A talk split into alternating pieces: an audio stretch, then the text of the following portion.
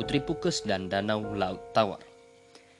Di daratan Tanah Gayo, hiduplah seorang putri raja bernama Putri Pukes. Sang putri menyukai seorang pangeran dari kerajaan lain. Awalnya, kedua orang tuanya tidak merestui karena negeri tempat tinggal pangeran itu sangat jauh.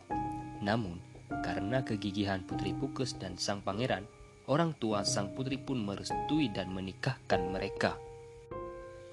Setelah menikah, tibalah saatnya Putri Pukes menyusul suaminya. Ia pun pamit kepada orang tuanya untuk pergi ke kerajaan suaminya.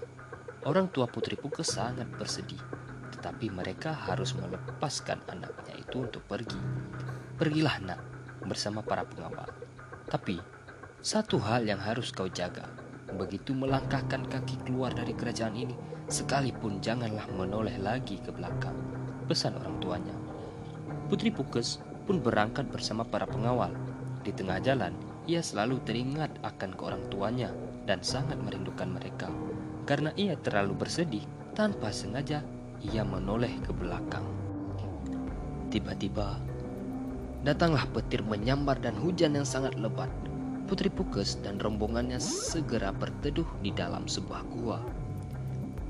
Di dalam gua, Putri Pukes berdiri di sudut untuk menghangatkan tubuhnya yang kedinginan.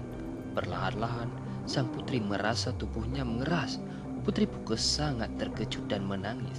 Ternyata tubuhnya berubah menjadi batu. Putri ini menyesal karena tidak mengindahkan pesan orang tuanya. Seharusnya ia tidak menoleh lagi ke belakang selama dalam perjalanan. Setelah merasa cukup lama beristirahat dan hujan mulai reda, mereka berniat melanjutkan perjalanan. Para pengawal pun memanggil sang putri. Tuan putri, hujan sudah reda. Mari kita melanjutkan perjalanan. Panggil para pengawal. Berkali-kali mereka memanggil, tetapi tetap tidak terdengar jawaban. Tak lama kemudian, terjadilah gempa bumi yang dahsyat. Petir menyambar dan guntur menggelegar. Hujan pun turun derasnya. Penduduk yang sangat menyelenggarakan pesta rakyat berlarian dengan panik sambil menjerit-jerit ketakutan. Namun, hujan semakin deras dan dalam sekejap desa Kawar pun tenggelam.